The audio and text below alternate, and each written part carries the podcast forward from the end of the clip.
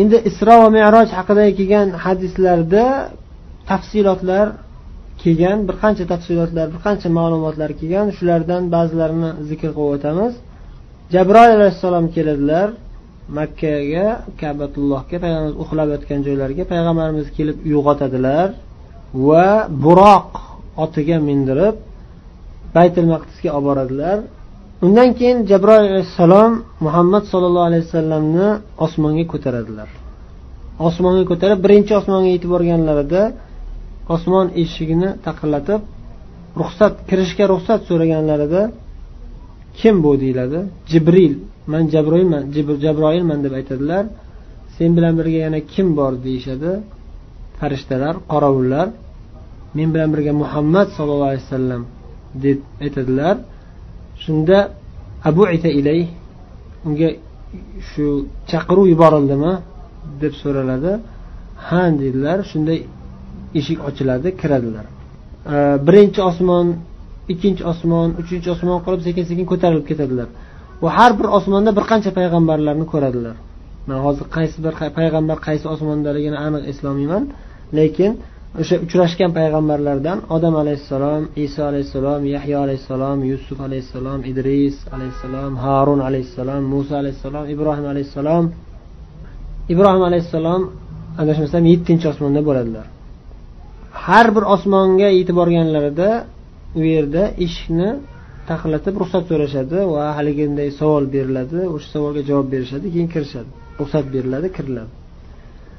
Bularni hammasi g'ayb ilmida. Ya'ni biz bilmagan biz tasavvur qilolmaydigan biz aqlimiz bilan hayolotimiz bilan tasavvur qilolmaydigan narsalar. Biz aniq bo'lgan voqealar deb qat'iy iymon keltiramiz ammo lekin kayfiyatini tasavvur qilolmaymiz hamma farishtalar har bir osmondagi farishtalar va payg'ambarlar payg'ambarimiz muhammad sallallohu alayhi vasallamni jabroil alayhissalom bilan birga kutib olishadi. Oxiri o'sha sidratil muntahogacha ko'tarib olib boradilar payg'ambarimiz sallallohu alayhi vasallamni jabroil alayhissalom va alloh taolo payg'ambarimiz sallallohu alayhi vasallamni yana oliy maqomlarga ko'tarib keyin besh vaqt namozni farz qiladi. Birinchi farz qilganda ellik vaqt namoz farz bo'ladi. Ellik vaqt bir kecha kunduzda ellik marotaba namoz o'qishlik farz qilingan boshida. Buni hozirgi e, zamondagi ba'zi bir ahlimlar hisoblab chiqishganda yigirma to'rt soat ichida har o'n besh minutda namoz o'qishga to'g'ri kelardi. Har o'n besh minutda bitta namoz o'qishga to'g'ri kelardi agar ellik vaqt namoz farzligicha qolgan bo'lganda. Ammo lekin buni qissasini sizlar o'zinglar ham ko'p eshitgansizlar rasululloh sollallohu alayhi vasallam qaytib tushayotganlarida muso alayhissalom bilan uchrashganlarida nima farz qildi deb so'raganlarida shu ellik vaqt namoz farz qildi deb aytganlar va shunda muso alayhissalom bizni bizga ya'ni islom ummatiga rahmlari kelib ummatingiz buncha namozni o'qishga toqat qilisholmaydi sabr qilisholmaydi man sizdan oldin odamlarni tajriba tajriba qilib ko'p qiynaldim. Qaytib parvardigoringizni oldiga chiqib yengillik so'rang dedilar. Muhammad sollallohu alayhi vasallam bu nasihatga quloq solib yana qaytadan sidratul muntahoga chiqib tepaga ko'tarilib alloh taolodan yengillik talab qiladilar. Alloh taolo o'nta namoz kamaytiradi qirqta namoz farz bo'ldi mayli sizlarga. Qirqta namoz o'qishsin deb olloh qirqta namoz farz qiladi. Xursand bo'lib qaytib kelayotganlarida yana muso alayhissalom bunga ham toqat qilisholmaydi deb aytadilar. Yana qaytib chiqadilar. Yana o'ttiztaga kamaytiriladi yana keyin uchinchi marotaba yigirmataga kamaytiriladi to'rtinchi marotaba o'ntaga kamaytiriladi beshinchi marotaba beshtaga tushadi. Alloh taolo mana shu beshta namozni agar sani ummating mukammal ado etsa men ellikta namoz savobini beraman deb va'da beradi. Alloh taoloning marhamati buyukligidan va buncha qayta qayta borib yalinishliklari payg'ambarimiz muhammad sallallohu alayhi vasallam ummatlariga ham shafqatli rahm shafqatli bo'lganliklaridan alloh u kishidan rozi bo'lsin. Biz shu besh vaqt namozni ham mukammal ado etolmay qolamiz. Iymonimiz zaifligidan sabru toqatimiz susligidan. Shunda muso alayhissalom beshta namozga tushgandan keyin ham aytganlar u beshta namozni ham to'la bajarolmaydi ummating deganlarida bo'ldi endi man uyaldim. Ko'p takror takror talab qilaverib kamaytirishlikni yengillikni talab qilaverib uyaldim man parvardigorimdan. Bo'ladi shu. Shu besh vaqt namozga ellik vaqt namozni savobini berdi parvardigorim deb rasululloh sollallohu alayhi vasallam shu bilan xursand bo'lib qaytadilar. Va bu namoz yettinchi qavat osmonni tepadagi buyuk sidratil muntaho eng oliy maqom joylarda farz qilinishligi osmonni tepasi osmonlarning tepasida farz qilinishligi nimaga dalolat qiladi? Namoz eng buyuk ibodat ekanligiga dalolat qiladi. Eng ulug' ibodat juda ham buyuk alloh taolo hech qaysi bir farz amalni osmonda farz qilmadi bizga. Bizga namozni osmonda farz qildi. Bu bilan alloh taolo bu namoz sizlarni shu buyuk oliy maqomlarga ko'taradigan eng katta buyuk ibodat eng ahamiyatli ibodat. Shuning uchun ham juda ham buyuk buyuk bo'lganligi uchun ham ulamolar juda ham ko'p ulamolar namozni o'qimagan odam musulmon emas deyishgan. Namoz o'qimaydigan odam musulmon emas deyishgan. Ehtiyot bo'lish kerak. Bu namoz faqatgina shunday o'qib qo'yiladigan narsa emas. Namoz o'qiydiganlarga ham nasihat qilamiz. Birinchi o'rinda o'zimga va barcha birodarlarimga mana shu namozimizni mukammal qilaylik. Rasululloh sollallohu alayhi vasallam sahih hadisda xabar berganlar qiyomatda birinchi bo'lib namozimizdan so'raladi. Agar namozimizni yaxshi ado etgan bo'lsak qolganlari hammasi yengil bo'ladi. Agar namozimiz yaxshi ado etilmagan bo'lsa namoz chala chilpa yoki namoz o'qilmagan bo'lsa qolgan hammasi xarob bo'ladi. Oqibatimiz juda yomon bo'ladi. Olloh asrasin. Alloh taolo hammamizni haqiqiy namozxon bandalardan qilsin. Namozni mukammal ado etadiganlardan qilsin. Al muqimiy namozni muqim mukammal ado etadiganlardan qilsin. Al musallun demadi. Namoz o'qiydiganlar demadi. Namozni mukammal bajaradiganlar dedi qur'onda alloh taolo aqimussola namozni qoyim qilinglar ya'ni mukammal bajaringlar deb buyurdi. Namoz o'qib qo'yinglar degan yo'q. Yana biz bu isro meroj qissasidan oladigan foydalarimizdan yana biri alloh taoloning osmonlarni tepasida oliy zot ekanligini bilamiz. Nima uchun? Alloh taolo payg'ambarimizni osmonga ko'tardi keyin osmonni ham tepalariga ko'tardi. Osmonlarni ham tepasiga ko'tarib oldi. Nima uchun? O'ziga yaqin qilish uchun. Demak alloh taolo tepada osmonda o'ziga eng yaqin maqomga yaqinlashtirdi payg'ambarimiz sallallohu alayhi vasallamni payg'ambarimiz sallallohu alayhi vasallamni pastga olib tushgani yo'q. Payg'ambarimiz sallallohu alayhi vasallamni dunyoni o'ng tarafiga olib ketgani yo'q. Bu koinotni o'ng tarafiga yoki bu koinotni chap tarafiga deyilgani yo'q. Osmonga ko'tarildi. Osmonga ko'tar deb xabar berildi. Har bitta osmonga yetib borganlarida u yerdagi farishtalar payg'ambarlar kutib olishdi keyin ulardan ham yana tepaga chiqib ketaverdilar. Yana osmon ikkinchi osmon uchinchi osmon to'rtinchi osmon qilib tepaga ko'tarilib ketaverdilar. Nimaga? Allohga yaqinroq maqomga ko'tarilaverdilar. Allohga yaqinroq maqomga ko'taraverdilar alloh taolo demak osmonda osmonlarning tepasida oliy eng oliy bo'lgan zot. Alloh taolo tepada bo'lgan zot oliy bo'lgan zot ekanligi haqida oyat hadislar juda ham ko'p. Har xil uslublar bilan alloh taolo o'zini osmonda ekanligini osmonlarning tepasida ekanligini xabar bergan. Bu haqida alohida bahs keladi alohida dars keladi inshaalloh. O'shanda batafsilroq iymonlashamiz. Yana bu isro meroj qissasidan oladigan foydalarimizdan alloh taoloning so'zlashishligi gapirishligi alloh taolo bu isro merojda payg'ambarimiz muhammad sollallohu alayhi vasallam bilan o'zi bevosita gaplashadi. Xuddi muso alayhissalom bilan bevosita gaplashgandek faqat muso alayhissalom yerda turganlarida alloh taolo u kishi bilan bevosita gaplashgan. Ammo bizning payg'ambarimiz muhammad sallallohu alayhi vasallamni esa alloh taolo o'zi osmonga ko'tarib olib eng oliy maqomga ko'tarib bevosita gaplashgan. Bu bilan biz yana bilamizki bu bu isro merojdan oladigan yana bir foyda payg'ambarimiz muhammad sollallohu alayhi vasallamning maqomlari eng ulug' maqom. Allohning eng ulug' bandasi eng sharafli bandasi eng mukammal bandasi muhammad ibn abdulloh sollallohu alayhi vasallam. Chunki payg'ambarimiz sollallohu alayhi vasallam barcha payg'ambarlardan ham baland maqomga ko'tarildilar. Yettinchi osmondan ham yana tepaga ko'tarilib olib ketildilar. Yana ham balandroq maqomga ko'tarildilar. Yettinchi osmonda ibrohim alayhissalom bilan uchrashganlaridan keyin jabroil alayhissalom yana u kishini sidratil muntahoga ko'tarildilar ko'tardilar. Sidratil muntaho o'sha eng oliy maqomdagi eng tepada bo'lgan eng buyuk allohning maxluqlaridan bir narsa u daraxt al muntaho oxirgi borib yetilgan to'xtalgan nuqtadagi daraxt. Ya'ni jabroil alayhissalom borib to'xtagan joy ya'ni. O'sha yerdagi buyuk daraxt. Bu yettinchi osmonni ham tepasida. Jabroil alayhissalom ana shu yerda to'xtadilar dedik keyin undan keyin yana oliyroq maqomlar bor. Shunday oliyroq maqomlarki ularni oti aytilmagan ammo lekin rasululloh sallallohu alayhi vasallam xabar berdilarki shunday bir oliy maqomga olloh ko'tardiki mana shuda shunday bir joyga yetib bordimki sariful aqlam qalamlarning ovozini eshitdim qalamlar yozilayotganini bo'layotgan voqealarni yozib turgan qalamlarni ovozini eshitdim dedilar ya'ni butun koinotda bo'layotgan narsalarni yozib turgan qalamlarni ovozi eshitiladigan maqomga ko'tarildilar. Bu maqomga payg'ambarimiz muhammad sallallohu alayhi vasallamdan boshqa hech qaysi banda ko'tarilmagan. Mana shu voqealarning hammasi bir kechada bo'lyapti. Mana shu voqealarning hammasi allohning qudrati va buyuk mo'jizasi bilan bir kechada ro'y beryapti.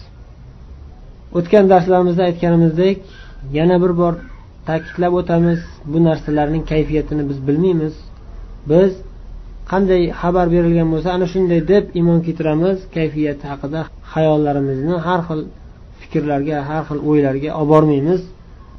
Balki aytamizki ala kulli shayin qodir. Shak shubhasiz alloh taolo hamma narsaga qodir zot.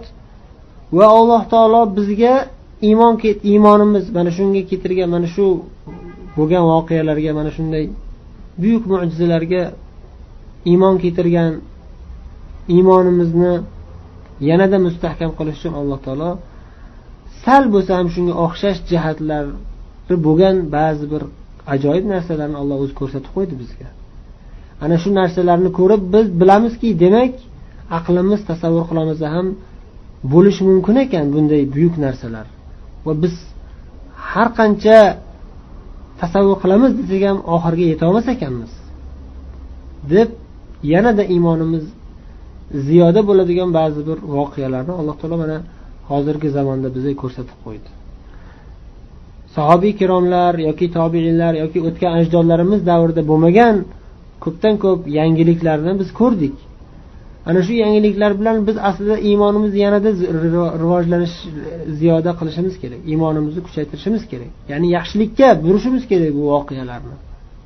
Yaxshilikda foydalanishimiz kerak va yaxshilik bilan yaxshi ma'nolar bilan tushunishimiz kerak.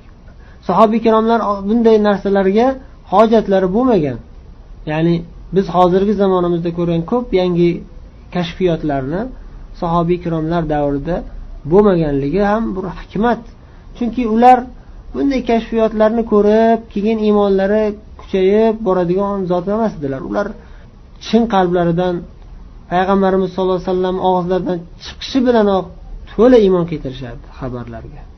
Ammo lekin kelajakda shunday odamlar chiqadi bu narsalar afsona bo'lsa kerak bu narsalar e, tarix kitoblarida yozilgan har xil gaplar bunga ishonib bo'lmaydi. Asatirul avvalin avvalgi davrda o'tib ketgan odamlardan qolgan yozmalar yozma narsalar bu har xil hayoliy hayolparast odamlar yozgan gaplar bo'lsa kerak bular deydigan odamlar chiqishini alloh taolo bilgan va shuning uchun ham ummatga o'zining bandalariga rahm qilib bular haqiqat mana sizlar mana bu kashfiyotlarni ko'ryapsizlarku o'zi yaqin o'tmishdagi odamlar tasavvur qilolmaydigan narsalarni mana sizlar ko'ryapsizlar endi ko'zinglarni ochinglar sizlar sizlar tasavvur qilolmaydigan narsalar ko'p hali degan ma'noda alloh taolo o'zi ko'rsatib qo'yyapti va bunga alloh taolo o'sha payg'ambarimiz sallallohu alayhi vasallam davridayoq xabar berib qo'ygan shunaqa bo'lishini سنريهم آياتنا في الآفاق وفي أنفسهم حتى يتبين لهم أنه الحق yaqinda biz ularga ya'ni mana shu bandalarga qalbida shak shubha bo'layotgan iymoni sust bo'lgan yoki umuman mulhid bo'lgan kimsalarga ham o'zimizning oyatlarimizni mo'jizalarimizni ko'rsatib qo'yamiz. Fil afoq ofoqlarda osmonu falakda hatto ko'rsatib qo'yamiz ba'zi bir mo'jizalarimizni. Va fi anfusihim o'zlarini jasadlarida ham o'zlarini nafslarida o'zlarini jonlarida jasadlarida ham ko'rsatamiz hali ba'zi bir mo'jizalarimizni dedi alloh taolo. Fussilat surasi ellik uchinchi oyatda toki ularga yanada ravshan bo'lsinki u zot haq bo'lgan zot. Alloh taolo haq bo'lgan zot. U zot xabar bergan narsalar hammasi haq. Qur'oni karim haq. Rasululloh sollallohu alayhi vasallam aytgan gaplar hammasi haqqu rost mana shu narsalarga iymoniylar yanada rivojlanishi uchun musulmonlarga. Iymon keltirmaganlar ko'zi ochilib iymonga kelishi uchun iymonga kelishi osonroq bo'lishi uchun alloh taolo yana mo'jizalarni ko'rsatib qo'yadi o'zi. Balki mo'jizalarga iymon keltirishga yordam beradigan voqealarni ko'rsatib qo'yadi. Alloh taolo aytdiki fil afaq osmonu falakda ko'rsatib qo'yamiz dedi. Demak kelajakda osmonu falakdagi bo'layotgan narsalarni ham kuzatishimiz mumkinligiga ishora bu ya'ni. Ma'lum bir darajada albatta biz insoniy zaifligimizdan chiqolmaymiz har qancha zo'r fazo kemalarini o'ylab topishsa ham ba'zi bir axborotlarda chiqib qolayotgandek shunaqangi tezlik bilan uchadigan e, fazo kemalarini o'ylab topamiz unaqa qilamiz. U nechi millionlab yillik uzoq masofadagi yulduzlarda yer yerga o'xshagan yulduz bo'lishi mumkin ekan. O'sha yerda odam yashashi mumkinmikin? O'shani o'rganamiz o'zlarini haddilaridan oshib ketishadi ba'zida. O'zlarini haddilaridan oshib ketib o'zlarini insoniy ojizliklarini unutib qo'yishadi hayoliy e, nuqtalarga kirib ketib qolishadi yana maqtanib e, texnikalar bilan. Lekin umuman olganda alloh taolo ma'lum bir darajada bizga shu hozirgi zamonda mana shunday kashfiyotlar mana shunday taraqqiyot mana shunday texnikalarni topishga bizni aqlimizni ishlatishga yordam berdi. Shu insonni aqlini rivojlantirdi. Bu aql rivojlanishi bu hozirgi zamondagi odamlarni kallasi o'tkirligidan emas. O'tgan ajdodlarimizni ham kallasi o'tkir bo'lgan. Lekin alloh taolo o'zi sekin sekin sekin sekin rivojlantirib boradi bu dunyoda. Oxir oqibat borib hatta va e, zuhruf surasida alloh taolo xabar bergandek shu darajada rivojlanib boradiki bu dunyodagi odamlarni ilmiyu aqliyu e, tasavvuri hatto ular shu darajada g'ururga ketib qolishadiki yer zebu ziynatlarga kiyinadi. Ya'ni mana shu insoniyat e, harakati bilan bo'lishi mumkin. E, yer hamma tomonlama texnikalari kuchayib yer ziynatlanib E, ya'ni odamlar shu darajada g'urur ketib biz bo'ldi endi yerni egalladik va yerni ustidan xohlaganimizdek boshqaramiz hali yer haqida katta ketishyapti. Ya'ni yerni himoya qila olamiz o'zimiz osmondan kelayotgan yulduzlarni parchalab tashlaymiz yerga urilib ketmasligi uchun yoki yerda bo'layotgan zilzilalarni to'xtatish yo'llarini o'rganamiz har xil gaplar bilan o'zlaricha mag'rurlanishadi. Bu narsalar haqida alloh taolo xabar berib qo'ygan oldindan shunaqa mag'rurlanishlik mag'rurlanadigan odamlar kelishini. Yer ahli bo'ldi biz yerni ustidan hokimmiz qodirmiz yer ustidan xohlagan ishimizni qilamiz deb o'ylaganlarida nima bo'ladi? Yer ustiga bizni buyrug'imiz keladi. Kechasi yoki kunduzi shunday yer xonavayron bo'lib qiyomat qoyim bo'ladi. Bir lahzada alloh taolo hamma yog'i odatni tashlaydi qiyomat qoyim bo'ladi. Faqat qiyomat qoyim bo'lishi kimni boshiga qoyim bo'ladi? O'sha mag'rurlanib ketgan xudoni unutgan olloh demaydigan kimsalarni boshiga. La hadisda aytganlaridek rasululloh eng yomon kimsalarni boshiga qiyomat qoyim bo'ladi. Olloh undaylardan qilmasin. Alloh taolo qiyomat qoyim bo'lishidan ozgina oldin keladigan yumshoq shamol bilan mo'minlarni jon olib ketadigan E, mo'minlar bo'ladi. Ana shundan keyin hamma e, kofirlar qoladi faqat. Ana shu shamoldan keyin yashaydiganlarni qilib qo'ymasin nima bo'lsa ham alloh taolo iymondan ayirib qo'ymasin bizni. Demak yana shu mavzuga qaytsak osmonda mana uchib yurgan fazo kemalari osmonda uchib yurganda nechi minglab kilometr uzoq masofada uchib yurganda masalan yerdagi odamlar bilan bevosita aloqa qilishadi. Internet orqali masalan yoki o'sha kompyuter apparatlari orqali osmonda uchib yurgan fazo kemasidagi fazogirlar yerda ular ular bilan aloqa qilib turgan yerdagi odamlar bilan kompyuterlar orqali bevosita gaplashishyapti bir lahzada. Orada nechi minglab masofalar bor masalan nechi minglab kilometrlar bor. Bir lahzada o'shalarga ovoz bu yoqdan assalomu alaykum desa yoki hello desa u yoqqa helloda yetib boryapti ovozi. Xullas kalom bu narsalar bizga ishora. Ya'ni o'tgan zamonda bu narsalarni bo'lishi mumkin emas deganlar yolg'onchi ekanligi ayon bo'ldi. Bo'lishi mumkin emas deganlar yolg'onchi ekanligi ayon bo'ldi. Shunaqa odamlar bo'lgan bo'lishi mumkin emasdi sahih hadislarda xabar bergan hadislarga ishonmagan munofiqlar yoki adashgan toifalar bo'lgan. Shunaqa bo'ladiki bittaga gapirsa butun dunyoga tarqaydi yoki bo'lmasam e, zamon qisqaradi bir biriga yaqin bo'lib ketadi masofalar degan hadislar qiyomat alomatlari haqida ko'p yuzlab hadislar bor. Ana shulardagi ana shu hadislarda xabar berilgan voqealarga iymon keltirmaganlar bo'lgan. Ularni yolg'onchiga chiqarmoqchi bo'lganlar bo'lgan. O'shalardan ko'pini mana biz hozir o'z ko'zimiz bilan ko'rib turibmiz. Bu alloh taoloning bizga bo'lgan bir eslatmasi bu. Ko'zinglarni ochinglar ey bandalar deb. Sanurihim ayatina fil afaq va fi anfusihim. Ofoq ofoq osmon falakda ham o'zinglarda ham mana shu bandalarni o'zlarida ham biz oyatlarimizni ko'rsatib qo'yamiz deb insonni o'zini jismida mana hozir tibbiyot bo'yicha mutaxassis bo'lgan ulamolar qur'oni karimda aytilgan narsalarni endi kashf qilishyapti. Endi tushunib yetishyapti. Xoh masalan onani qornidagi chaqaloq yaratilish bosqichlari haqidagi e, kashfiyotlari bo'lsin yoki boshqa insonni a'zosiga taalluqli yoki insonni sog'lig'iga taalluqli tibbiyot e, sohasidagi ma'lumotlarni endi topib ba'zilari ko'zi ochilib e qur'ondagi narsaga to'g'ri kelyapti bu deb turib ko'zi ochilib iymon keltirganlar ham bo'lyapti. Ba'zilari yo'q bo'lishi mumkin emas bu unaqa emas bunaqa emas deb haliyam mutakabbirligicha qolayotganlar bor. Ko'zini ko'r qilib qalbini ko'r qilib qo'ygan kimsalar bor. Alloh ularga o'xshaganlardan qilib qo'ymasin bizni. Lekin ular o'zi tan olyaptiki bu haqiqatda insonni yaratilishi xoh ular tabiat yaratgan desin xoh boshqa desin insonning yaratilishi juda ham ajoyib.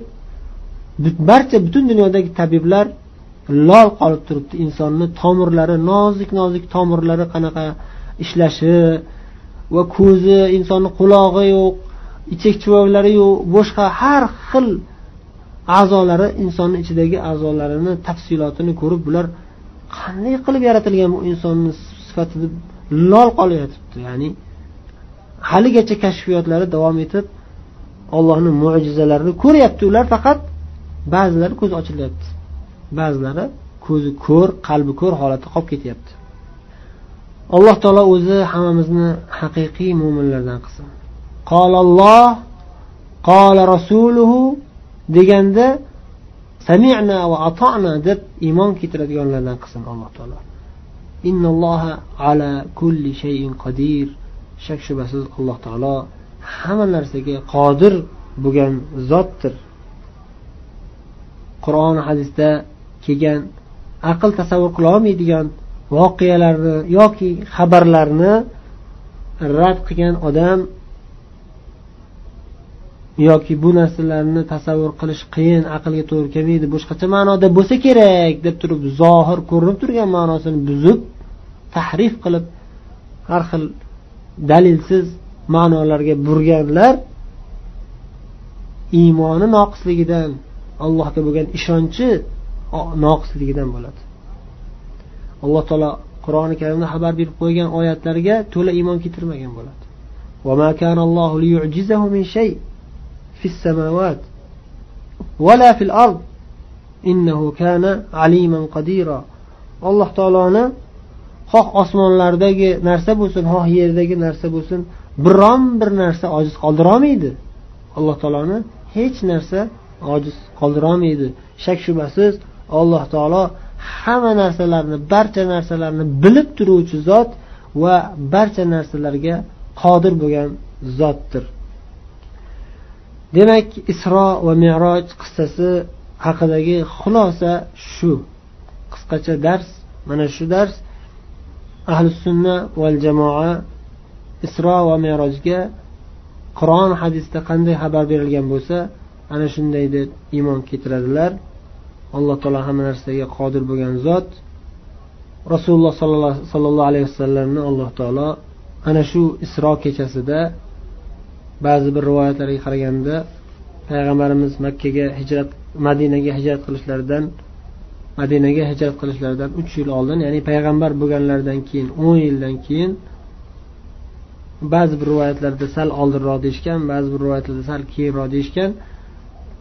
Lekin bil ijmo bil ittifoq barcha ahli sunna va jamoa ulamolari rasululloh sollallohu alayhi vasallamni alloh taolo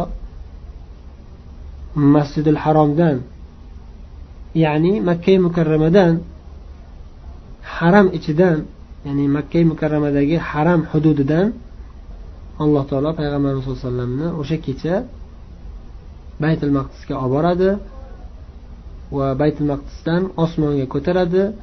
Osmonlarni ham tepasiga ko'taradi.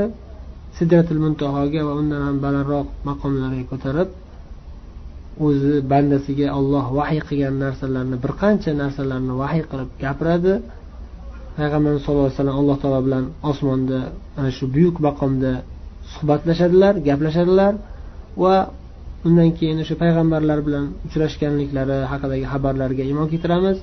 Osmondagi payg'ambarlar bilan ya'ni ruhlari bilan va keyin undan keyin pastga tushib yana baytul maqdisga tushganlar. Baytul maqdisda payg'ambarlarga iymon bo'lib bomdod namozini o'qiganlar va yana qaytadan ertalab makka mukarramaga yetib kelganlar.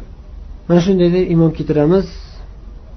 Fasollallohu vasallama alayhi fil axirati val ula dedilar.